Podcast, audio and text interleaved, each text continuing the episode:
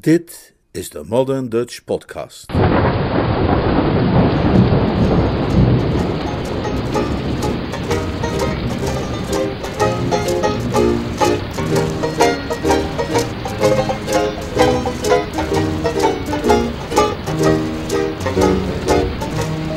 Noodweer op kasteel Blauwdings.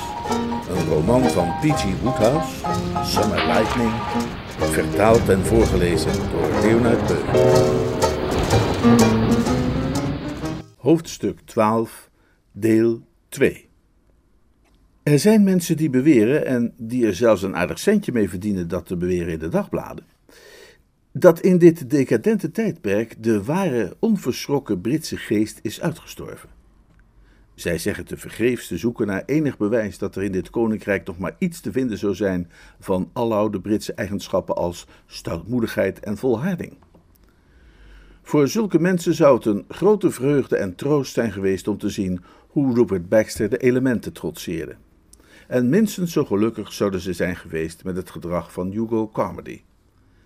Het was Hugo niet ontgaan toen hij Sue op het terras had achtergelaten op zoek naar Millicent, dat er onweer in de lucht hing. Hij had de wolken gezien.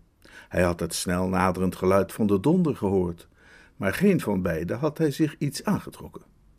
Laat het maar gaan regenen, had Hugo geoordeeld. Laat het sakkerju maar rustig zoveel gaan regenen als het wil. Als daardoor aangemoedigd was een dikke natte druppel omlaag komen vallen en had zich precies tussen zijn hals en zijn boord binnengedrongen. Hij had het nauwelijks opgemerkt.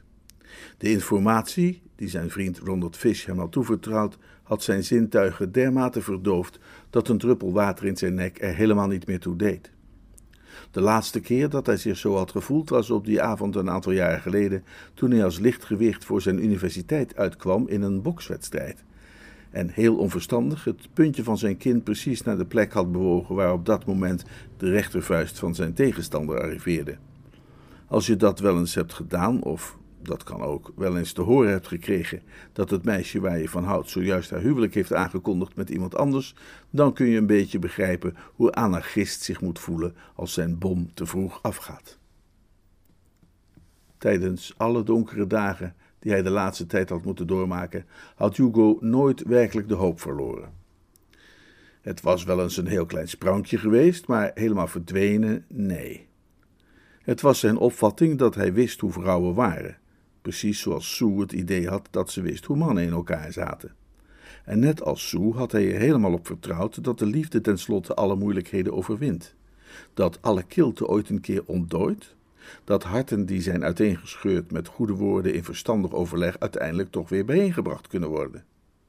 Zelfs het feit dat Millicent, wanneer zij elkaar tegenkwamen, hem verwijtende blikken had toegeworpen die dwars door hem heen gingen als stiletto's, had hem, wat een onaangenaam gevoel dat ook mocht zijn, geen reden tot wanhoop gegeven. Hij had hoopvol uitgekeken naar het ogenblik waarop hij haar alleen te spreken zou kunnen krijgen en met een paar plastische en welgekozen woorden weer helemaal voor zich zou weten te winnen. Maar dit betekende het einde. Dit was definitief. Dit deed de deur dicht, met een smak. Ze was verloofd met Ronnie. Binnenkort zou ze met Ronnie getrouwd zijn. Die gruwelijke gedachte stak als een horzel en joeg Hugo Carmody huiverend voort door de duisternis. Het was nu zo donker dat hij nog nauwelijks een hand voor ogen kon zien. Toen hij om zich heen keek, merkte hij dat het ook kwam doordat hij ongemerkt in een of ander bos terechtgekomen was. Dat moest het Westerwoud zijn, concludeerde hij somber, zich baserend op de overweging dat er in dit gedeelte van het landgoed geen ander bos viel aan te treffen.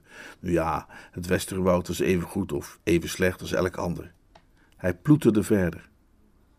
De grond onder zijn voeten was zompig en overwoekerd met lage braamstruiken, waarvan de gemene dorens dwars door zijn broekspijpen heen staken, wat hem behoorlijk pijn gedaan zou hebben als hij in de stemming geweest was om dorens en braamstruiken zelfs maar op te merken.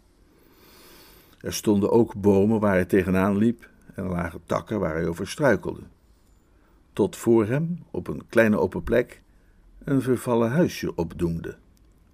Dat hij dat wel zag, kwam omdat het precies het soort plekje was waar een man bij weersomstandigheden als deze even zou kunnen schuilen om een sigaret op te steken. De behoefte aan tabak was inmiddels compulsief geworden. Hij merkte tot zijn verbazing nu ook dat het regende en dat het aan de toestand van zijn kleren te zien kennelijk al een heel tijdje regende.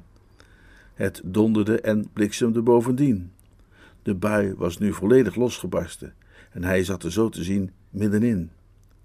Een bliksemschicht herinnerde hem eraan dat hij zich, zo tussen al die bomen, precies op zo'n plek bevond waar mensen nog eens door de bliksem getroffen worden. Bij het diner worden ze gemist aan tafel en later wordt er dan in groepjes naar ze gezocht met zaklantaarns. Iemand struikelt over iets zachts en het licht van de lantaarns onthult een zwarte, verkoolde gestalte. Vlug, hierheen, we hebben hem gevonden. Waar dan? Hier. Is dat Hugo Carmody? Jongen, jongen, til hem op, jongens, dan dragen we hem naar huis. Het was een beste kerel, die Hugo. Een beetje somber de laatste tijd. Een probleem met een meisje, geloof ik. Dat kind zal zich wel schuldig voelen als ze dit hoort. Heeft hem vrijwel de dood ingedreven, zou je kunnen zeggen. Voorzichtig met die brancard, mannen. Allemaal tegelijk optillen als ik het zeg. Ja, nu! De gedachte aan zo'n hemelse voltreffer deed Hugo op de een of andere manier goed. Ajax, de zoon van Ohiluis, had ooit de bliksem uitgedaagd. Hugo Carmody moedigde hem nog aan. Hij zag goedkeurend toe hoe een bijzonder felle bliksemschicht zich als een slang door de kruinen van de bomen slingerde. Tegelijkertijd bemerkte hij echter dat hij kleddernat begon te worden, en uiteraard had het, hoe je het ook bekeek, geen enkele zin om kleddernat te worden. Wat dat betreft, een mens kon net zo goed door de bliksem getroffen worden in dat huisje daarginds als er buiten, vond Hugo, en hij rende er op een holletje naartoe. Hij had juist de deur bereikt toen die werd opengeworpen. Er klonk een geluid als van een fazant die uit het struikgras opvliegt, en het volgende ogenblik had iets wits zich in zijn armen geworpen, dat hartstochtelijk begon te wenen tegen zijn borst. Hugo, Hugo, liefste! Het verstand leerde Hugo dat het onmogelijk Millicent kon zijn die zich zo aan hem vastklampte en met deze woorden tegen hem sprak. Maar toch bleek het Millicent wel degelijk te zijn. En ze bleef op dezelfde vriendschappelijke, ja zelfs aanhankelijke toon tegen hem doorpraten. Hugo, red me! Oké, ik, ik, ging, ik ging daar naar, binnen om te, om, te, om te schuilen tegen de regen. En, en het was een sti, stikke donker. Hugo omhelsde haar innig en met de opluchting van een man die plotseling te omhelzen krijgt wat hij vooralsnog niet verwacht had te zullen omhelzen. Beide handenpraatjes waren opeens overbodig. Hij viel niets te argumenteren of uit te leggen. Er was geen behoefte aan smeekbeden en pleidooien. Een paar stevige biceps volstonden. Stom verbaasd was hij. Maar een duidelijk gevoel van voldoening was met die verbazing vermengd. Het was een onmiskenbaar aangename verrassing, deze demonstratie van sidderende zwakte bij iemand die, wanneer er een minimale aanmerking zou kunnen worden gemaakt op haar karakter, altijd een sterke nuchterheid had vertoond en veel van die harde, gepanzerde zelfgenoegzaamheid die zo kenmerkend is voor de moderne jonge vrouw. Als deze plotselinge zachtmoedigheid teweeg was gebracht door het feit dat Millicent een geest had gezien in dat huisje, dan zou Hugo die geest gaarne ontmoeten om hem de hand te schudden. Iedere man krijgt graag de gelegenheid om kom, kom, meisje toch te zeggen tegen de vrouw van zijn hart, vooral wanneer ze hem de laatste paar dagen behandeld heeft als een bovengemiddeld onaangename worm. En die gelegenheid deed zich naar Hugo's mening op dit moment zonder meer voor. Kom, kom, zei hij alleen maar, want aan meisje toch durfde hij zich nog niet te wagen. Het is helemaal goed. Het, is. Wat is het? vroeg Hugo. Het, het is helemaal niet goed. Is daar een man daar binnen. Een man? Ja, ik wist niet dat er daar binnen iemand was. En het was donker. En toen hoorde ik iets bewegen. En toen zei ik: Wie is daar? En, en toen zei hij plotseling iets tegen me. In het Duits. In het Duits? Ja. Hugo liet haar zachtjes los. Zijn gezicht stond vastbesloten. Ik ga eens even een kijkje nemen. Hugo, nee, nee, stop, straks vermoordt hij je. Als verstijfd bleef ze daar staan. De regen stroomde op haar neer, maar ze sloeg er geen acht op. De bliksem flitste, maar ze merkte het niet. Een minuut die langer duurde dan een uur, stond ze daar te wachten. En ze spande haar oren in om iets van de dodelijke strijd te vernemen. Toen verscheen een schimmige gestalte in de deuropening. Zeg, Millicent. Hugo, is alles goed met je? Ja, alles goed. Zeg, Millicent. Zal ik je eens wat zeggen? Ja, wat? Door het duister klonk enig gegrinnik. het is dat varken. Het is wat? Dat varken. Wie is een varken? Je geheimzinnige aanvaller. Het is de keizerin van Blandings in hoogst eigen persoon. Kom maar kijken. Millicent kwam kijken. Ze liep naar de deur van het huisje en gluurde naar binnen. En jawel hoor, het was de keizerin, precies zoals hij had gezegd. Bij het zwakke licht van de lucifer die Hugo tussen zijn vingers hield, was de aantrekkelijke snuit van dat edele dier duidelijk te herkennen. Het staarde haar vragend aan, geïnteresseerd in de mogelijkheid dat zij misschien een hapje kwam brengen voor het slapen gaan. Hetgeen bijzonder welkom zou zijn. De aanblik zou Lord Emsworth hebben doen juichen van vreugde. Bij Millicent viel alleen haar mond open. Hoe, komt dat beest in hemelsnaam hier terecht? Dat ga ik eens heel precies uitzoeken, zei Hugo. Het sprak vanzelf dat ze ergens verborgen moest worden gehouden, uiteraard. Maar wat is dit eigenlijk voor een gebouwtje? Dit was vroeger een boswachterswoning, geloof ik.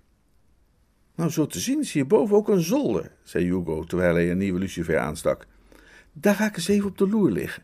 Het is heel waarschijnlijk dat er straks iemand langskomt om dat beest zijn voer te geven. En ik wil wel eens zien wie dat is. Ja, dat doen we. Wat slim van jou. Nee, jij niet. Ga jij nog maar naar huis. Ik denk er niet aan. Het bleef even stil. Een sterke man zou ongetwijfeld zijn wil hebben doorgedreven. Nu voelde Hugo zich al een stuk beter dan hij de afgelopen dagen had gedaan, maar zo krachtig voelde hij zich nu ook weer niet. Eh, zoals je wilt. Hij sloot de deur. Goed, kom mee dan. We kunnen maar beter opschieten. Die kerel kan hier elk moment zijn. Ze klommen langs de scheefgezakte trap omhoog en gingen voorzichtig liggen op de zoldervloer, die naar schimmel rook en naar muizen. Beneden was alles donker, maar er waren gaten genoeg in de vloer waardoor ze zouden kunnen kijken als het zover was. Millicent voelde een grote kier vlak bij haar gezicht. Die vloer zal het toch wel houden? vroeg ze een beetje bezorgd. O jawel, hoezo? Nou, ik heb geen zin om mijn nek te breken. Oh nee, zeg. Nou, als ik de mijne brak, zou ik het prima vinden, zei Hugo. Hij had zich zojuist gerealiseerd dat dit een uitstekend moment was om eens een hartig woordje met haar te wisselen. Als jij dacht dat ik nog zo nodig verder zou willen leven, terwijl Ronnie en jij vrolijk huwelijksmars fluiten, nou dan heb je het goed mis. Ik neem het tenminste aan dat jij wel beseft dat je mijn hart in duizend stukjes hebt gebroken. Oh, Hugo, zei Millicent. Er viel een stilte. Daar beneden ritselde de keizerin in het stro. Ook boven schuifelde iets rond. Oeh, riep Millicent. Was dat een rat? Ik hoop het. Wat? Ratten knagen aan je, legde Hugo uit. Ze komen met z'n allen op je af, kluiven je af tot op het bot en dan maken ze zo een einde aan je miserabele bestaan. Er viel een nieuwe stilte. Toen zei Millicent met een klein stemmetje: Je doet heel lelijk tegen me. Hugo werd overspoeld door een golf van berouw. Ja, je hebt gelijk, het spijt me, ik doe heel lelijk, dat is zo. Maar nou ja, weet je, ik bedoel, die hele verloving met Ronnie, dat, dat gaat ook wel een beetje ver, toch? Je verwacht toch niet dat ik daarbij sta te juichen? Je had toch niet gedacht dat ik bij dat nieuws in een vrolijk dansje zou uitbarsten?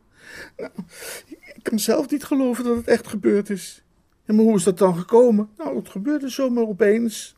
Ik voelde me ellendig en ik was heel erg boos op jou en, en, en, en al dat soort dingen. En, en toen kwam ik Ronnie tegen en toen gingen we samen een eindje wandelen. En toen kwamen we bij de vijver en toen gingen we een beetje met takjes gooien naar de zwanen. En, en toen begon Ronnie opeens een soort grommend geluid te maken. En, en toen zei hij, hé. Hey. En ik zei, wat? En hij zei, wil je met me trouwen? En toen zei ik, oké. En hij zei, ik moet je wel waarschuwen dat ik een ontzettende hekel heb aan alle vrouwen. En toen zei ik, nou, en ik verafschuw alle mannen. En toen zei hij, goed, dat is mooi. Ik denk dat wij heel gelukkig zullen worden samen. Oh, juist. Ik deed het alleen maar om jou dwars te zitten. Nou, dat is dan uh, gelukt. Er kwam wat meer levendigheid in Millicent's stem. Jij hebt nooit echt van mij gehouden, zei ze, en dat weet je heel goed. Oh ja? Ja, want waarom ging jij anders stiekem naar Londen om daar te gaan zitten schransen met dat afschuwelijke vriendinnetje van je? Dat is mijn vriendinnetje niet, en ze is ook niet afschuwelijk. Dat is ze wel. Hm. Je schijnt anders uitstekend met haar te kunnen opschieten. Ik zag jou daarnet op het terras reuze gezellig met haar staan babbelen. Wat? Met wie? Met Miss Shoemaker. Ik weet niet waar je het over hebt. Wat heeft die Miss er nu mee te maken? Miss is niet Miss. Dat is Sue Brown. Heel even leek het Millicent dat niet alleen Hugo's hart gebroken was, maar dat er ook iets mis was met zijn hersens. Hoe nutteloos dat in het duister ook was, ze staarde onderzoekend in de richting waaruit zijn stem had geklonken. Toen viel opeens het kwartje. Ze hapte naar adem. Ze is jou hierheen achterna gekomen? Nee, ze is mij helemaal niet hierheen achterna gekomen. Ze is Ronnie hierheen achterna gekomen. Kun je het nu echt niet in je kersenpit krijgen? vroeg Hugo met gerechtvaardigde ergernis. Dat jij voortdurend de ergste flaten slaat en alles maar door elkaar gooit. Sue Brown heeft nooit een cent om mij gegeven. En ik heb ook nooit iets voor haar gevoeld. Zij is gewoon een leuke meid en een geweldige danspartner. Dat is alles. Dat is absoluut de werkelijke en enige reden waarom ik met haar uit ben gegaan. Ik was in geen zes weken wezen dansen en mijn voeten jeukten zo dat ik er s'nachts niet van kon slapen. Daarom ging ik naar Londen en vroeg ik Sue mee uit. Vervolgens zag Ronnie haar staan praten met die gruwelijke Pilbeam en dacht dat ze met hem uit was, terwijl ze hem verteld had dat ze die man niet eens kende, wat trouwens helemaal waar was. Maar Ronnie werd woest en maakte het ter plekke uit. Hij kwam hierheen en Sue deed zich voor als Miss Shoemaker om ook op Blandings te kunnen komen en met hem te praten. Maar het eerste wat ze hoorde toen ze hier kwam, was dat Ronnie verloofd was met jou. Nou, leuke verrassing moet dat geweest zijn voor dat arme kind.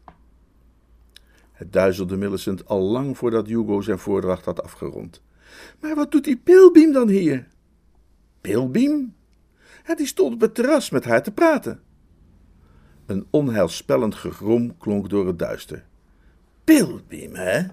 Pilbeam. Ah, dus die is toch opkomen dagen. Hij is die kerel waar Lord Emsworth mij naartoe had gestuurd in verband met de keizerin. Hij is de baas van het Argus Detective Bureau. Het waren Pilbeams mannetjes die mij die avond op jouw verzoek hebben geschaduwd. Dus die is hier, hè? Daar moet hij dan maar van genieten, zolang er voor hem nog iets te genieten valt. Laat hem vooral de frisse buitenlucht opsnuiven, zolang hij nog snuiven kan. Er staat die knaap een bittere afrekening te wachten. Uit de chaos in Millicent's brein dook een ander punt op dat dringend om opheldering vroeg. Jij zei dat ze niet knap was. Wie? Sue Brown. Nou, dat is ze ook niet. Jij noemt dat niet knap. Huh, dat kind is beeldschoon. Nou, voor mij niet, zei Hugo stijfkoppig. Voor mij is er maar één meisje in de wereld dat ik knap wil noemen en dat meisje gaat trouwen met Ronnie. Hij zweeg even. Als jij nu nog steeds niet beseft dat ik van jou hou en dat ik altijd van jou zal blijven houden en dat ik nooit van iemand anders heb gehouden of zal kunnen houden, dan ben je ongelooflijk dom. Al kwam je mij Sue Brown of welk ander meisje ter wereld dan ook op een presenteerblaadje aanreiken met een garnering van verse tuinkruiden eromheen, dan raakte ik haar nog met geen vinger aan. Een tweede rat, dan wel een uitzonderlijk grote muis, gaf blijk van zijn aanwezigheid in de duisternis. Hij genoot kennelijk van een vroege avondmaaltijd met een smakelijk stuk hout als hoofdgerecht. Millicent merkte het niet eens op. Ze had haar hand uitgestoken en raakte nu Hugo's arm aan. Haar vingers sloten er zich wanhopig omheen.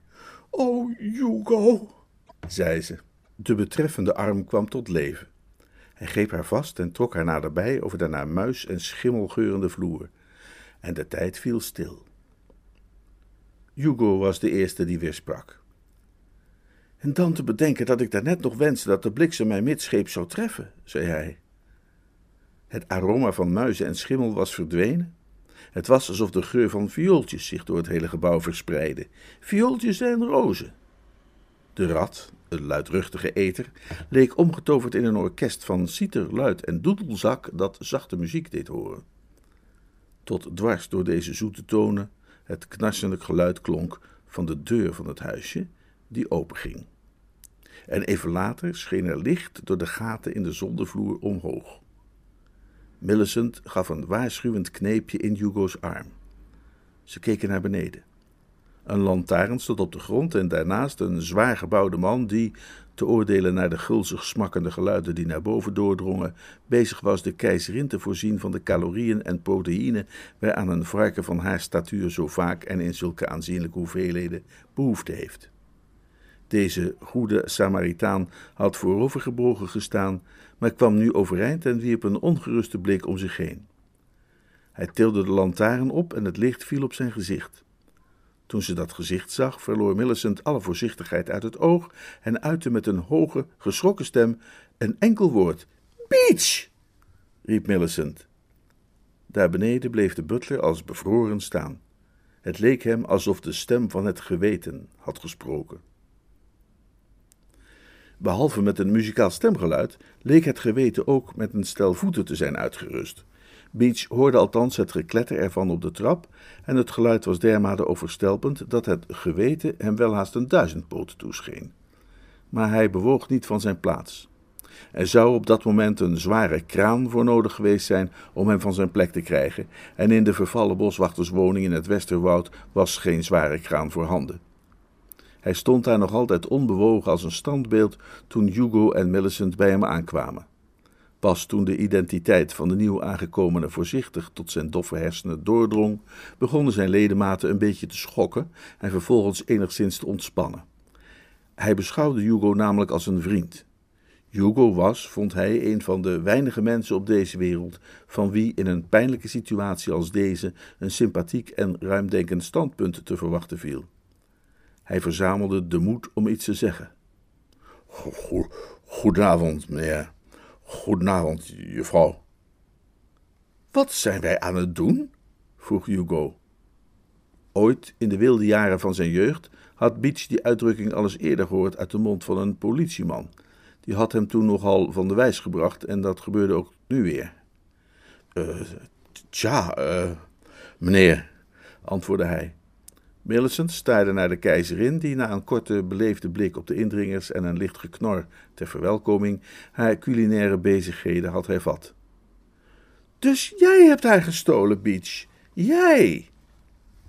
De butler huiverde. Hij had dit meisje al gekend toen ze nog krulletjes en een kruippakje droeg. Ze had gespeeld in zijn keukentje. Hij had papieren olifantjes voor haar geknipt en haar kunstjes geleerd met een eindje touw. De gechoqueerde toon in haar stem verteerde zijn hart als vitriool. Voor haar besefte hij, als het nichtje van de graaf van Emsworth en door zijn hooggeborene vanaf haar kinderjaren opgevoed in diens niet aflatende verering van het varken, moest de ontvoering van de keizerin wel de laagste aller misdaden lijken. Hij wilde niets liever dan zich in haar ogen rechtvaardigen. In het leven van iedere samenzweerder komt een moment dat hij de loyaliteit aan zijn trawanten zal moeten afwegen tegen zijn eigen welzijn. Wij kunnen geen indrukwekkender bewijs tonen voor de adeldom van Beach ziel dan het feit dat hij die consideratie zelfs maar weigerde aan te gaan. Hoe pijnlijk ook verwond door Millicent's beschuldigende blik, bleef hij trouw aan zijn missie. Mr. Ronald had hem geheimhouding doen beloven en zelfs om zijn eigen hachje te redden wilde hij geen verrader worden. Bij wijze van onmiddellijke beloning door de voorzienigheid voor dit standvastig gedrag ontving hij een bruikbare inspiratie. Ja, juffrouw, antwoordde hij. Oh, Beach. Ja, juffrouw, ik ben het die het dier heeft gestolen, maar ik heb het gedaan om u te helpen, juffrouw. Hugo keek hem streng in de ogen. Beach, zei hij, dit is je reinste kletskoek. Meneer? Je reinste kletskoek, zeg ik. Je staat gewoon een smoesje te verzinnen. Hoezo zou je dat varken gestolen hebben om Miss Millicent te helpen? Ja, zei Millicent, waarom zou mij dat helpen? De butler was nu volkomen gekalmeerd. Hij had een goed verhaal bedacht en daar ging hij zich aan houden. Eh, ten einde de hindernissen uit uw pad te, te verwijderen, juffrouw. Hindernissen? Daarom is de en u mij regelmatig de bezorging van uw, mag ik dat noemen, heimelijke correspondentie hebben toevertrouwd, ben ik mij sinds lang bewust van uw wederzijdse gevoelens, juffrouw. Ik ga er daarom vanuit dat het uw wens is Mr. Comedy te trouwen, maar besef tevens dat zulks op ernstige bezwaren zal stuiten bij zekere leden van de familie. Tot hiertoe, zei Hugo kritisch, klinkt je hele verhaal me in de oren als klinkklaar gebeuzel, maar ga verder. Dank u wel, meneer. Toen bedacht ik even wel dat wanneer Lord Emsworth vaker mocht verdwijnen en daarop worden teruggevonden, meneer de graaf buitengewoon dankbaar zou zijn aan degene die het hem terugbezorgde. Het was mijn bedoeling u op de hoogte te stellen van de verblijfplaats van het dier en u zo in de gelegenheid te stellen Lord Emsworth te zeggen dat u het daar had weten te lokaliseren. In zijn dankbaarheid stelde ik mij voor, zou meneer de graaf een huwelijksverbintenis niet langer in de weg staan. Een volledige stilte zou natuurlijk nooit bereikt kunnen worden op een plaats waar de keizerin van Blandings haar voedsel nuttigde, maar iets dat een stilte nabij kwam, volgde toch op deze woorden van de butler. Bij het licht van de lantaarn troffen Hugo's en Millicent's blik elkaar. In beide lag een verbijsterd ontzag te lezen. Van trouwe dienaars hadden ze allebei gehoord. Over trouwe dienaars hadden ze allebei ook gelezen. Trouwe dienaars hadden ze zelfs wel eens op het toneel gezien. Maar nooit hadden ze durven dromen dat trouwe dienaars ook in werkelijkheid zo trouw konden dienen. Oh, Beach, zei Millicent. Zij had diezelfde woorden al eens eerder geuit, maar hoe verschillend klonk dit Oh, Beach van dat eerdere Oh, Beach. Bij die eerdere gelegenheid was die uitroep vervuld geweest van pijn, verwijt en teleurstelling. Deze keer echter klonken er dankbaarheid en bewondering in. En een genegenheid die bijna niet in woorden was te vatten. Hetzelfde zou gezegd kunnen worden van Hugo's Jemig! Beach! riep Millicent uit. Je bent een engel! Dank u, juffrouw. Een kanje, stemde Hugo met haar in. Dank u, meneer. Hoe ben je op dat geweldige idee gekomen? Het viel me zomaar te binnen, juffrouw. Ik zal jou eens iets zeggen, Beach. Als jij te zijner tijd de pijp aan Maarten geeft, en ik hoop dat zulks nog een hele tijd op zich laat wachten, moet jij beslist je hersenen nalaten aan de Britse staat. Werkelijk.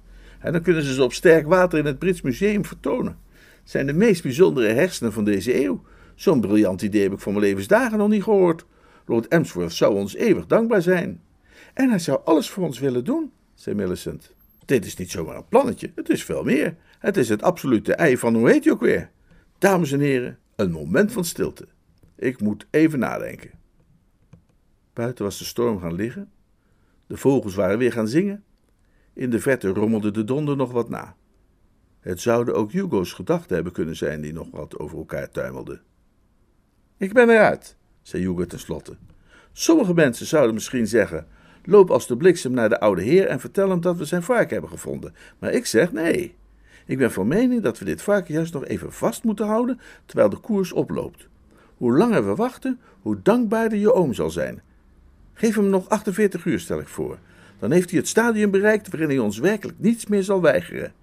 Maar nee, als we overhaast handelen, gaat het mis. Denk eraan dat het er niet alleen om gaat zijn toestemming te krijgen voor ons huwelijk. We zullen hem ook moeten vertellen dat jij dus niet met Ronnie gaat trouwen.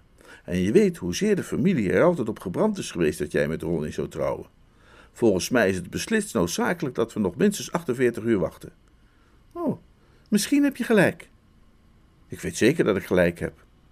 Dus dan laten we de keizerin gewoon hier. Nee, zei Hugo op besliste toon. Dit lijkt mij niet echt een veilige plek. Als wij dat beest hier al hebben gevonden, dan kan iedereen dat doen.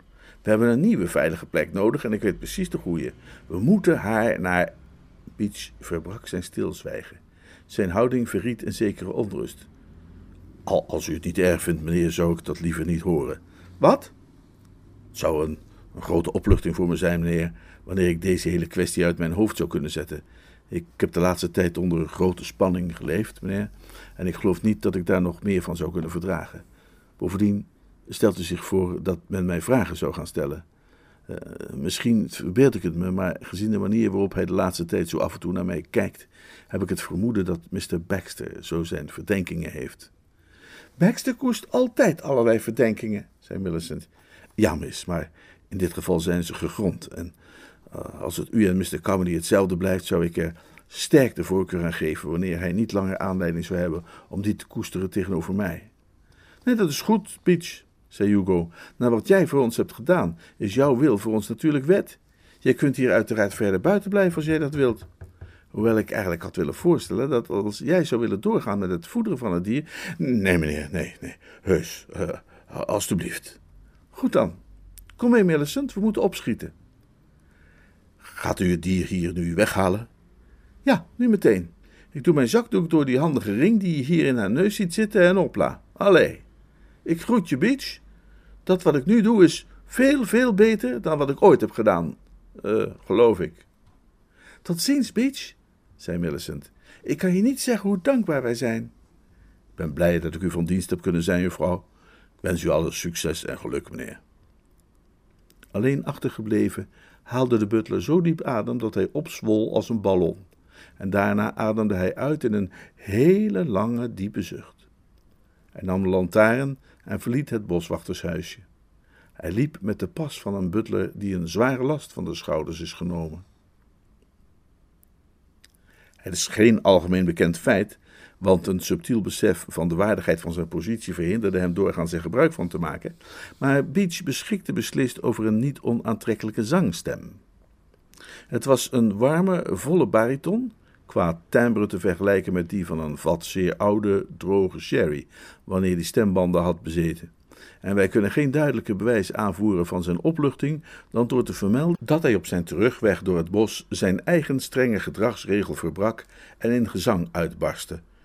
In de lommer van het prieeltje, zong Beach. In de lommer van het prieeltje. Hij voelde zich meer een vrolijke jonge huisknecht dan een eerbiedwaardige butler. Met opgewekt gemoed luisterde hij naar het gefluit van de vogels. De konijntjes die voor zijn voeten dartelen, bezag hij met een welwillende glimlach. De schaduw die zijn levensweg had verduisterd, was weggenomen. Zijn geweten was zuiver. Zo zuiver zelfs was zijn geweten, dat ook toen hem bij thuiskomst door de huisknecht James werd gezegd dat Lord Emsworth naar hem had gevraagd en hem zo spoedig mogelijk in zijn bibliotheek wenste te zien, hij zijn kalmte volkomen wist te bewaren. Nog geen uur geleden zou diezelfde aankondiging voor hem een ramp hebben betekend. Maar nu bleef hij er onbewogen onder. Het was met enige moeite dat hij, terwijl hij de trap opliep, zich ervan wist te weerhouden zijn lied te hervatten. Uh, beach, milord. De butler bemerkte nu dat zijn werkgever niet alleen was. Nog hinderlijk nadruipend op het tapijt, want hij had zich op de een of andere manier kleddernat weten te maken, stond daar de nijvere Baxter. Beach wierp hem een kalme blik toe. Wat had Baxter nu nog voor hem te beduiden, of hij voor Baxter? Milord, herhaalde hij, want Lord Emsworth leek enige moeite te ondervinden bij het op gang brengen van de conversatie.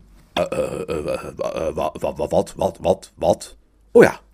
De negende graaf wist zich met zichtbare moeite enigszins in de hand te nemen. Beach, milord. Ik, uh, ik heb, heb, uh, ik heb je laten, la, laten roepen, Beach. Jawel, milord. Op dat moment viel Lord Emsworth oog op een boek dat op zijn bureau lag en dat handelde over ziekten bij varkens. Hij leek er inspiratie aan te ontlenen. Ah, ah, ah, Beach, zei hij op flinke, gezaghebbende toon. Ik uh, heb jou laten roepen omdat Mr. Baxter een op, op, opmerkelijke mm, beschuldiging tegen jou heeft uh, ge, geuit. Mm, hoogst opmerkelijk. Wellicht wilt u zo goed gunstig zijn mij op de hoogte te stellen van de essentie van Mr. Baxter's accusatie, milord. Huh? Hm? Van de, van de wie, van de, van de wat? vroeg Lord Emsworth enigszins van de wijs gebracht. Misschien wilt u zo vriendelijk zijn mij de kern van Mr. Baxter's beschuldiging mee te delen. Oh, ah, ja, ja, ja de, de kern, tuurlijk, tuurlijk, ja, ja. Je, je, je bedoelt de kern, tuurlijk, tuurlijk, exact, ja. De, de kern, uh, uiteraard, ja, ja, zeker, tuurlijk, tuurlijk, tuurlijk, ja, ja, ja, precies. Uh, zonder meer. Het was de butler duidelijk dat zijn werkgever aan het wauwelen was geslagen. Als niemand daar iets aan deed, kon deze menselijke koekoeksklok eindeloos zo door blijven bazelen. Respectvol, maar met de nodige duidelijkheid riep hij hem tot de orde. Wat is het dat Mr. Baxter beweert, milord? Ah, oh, ah, hè? Hm, kom, uh, ja, uh, uh, vertel me dat eens, Baxter. Ja, zeg verdraaid, Baxter, zeg, zeg op. De nijvere Baxter kwam een stap dichterbij en begon een volgend gedeelte van het tapijt te bedruipen. Zijn brillenglazen fonkelden vastberaden. Hij was geen bedeesde, stamelende aristocraat, maar een man die wist wat hij wilde en dat scherp onder woorden kon brengen. Ik heb jou zojuist achtervolgd naar de oude boswachterswoning in het Westerwoud, Beach. Meneer, jij hebt me wel gehoord?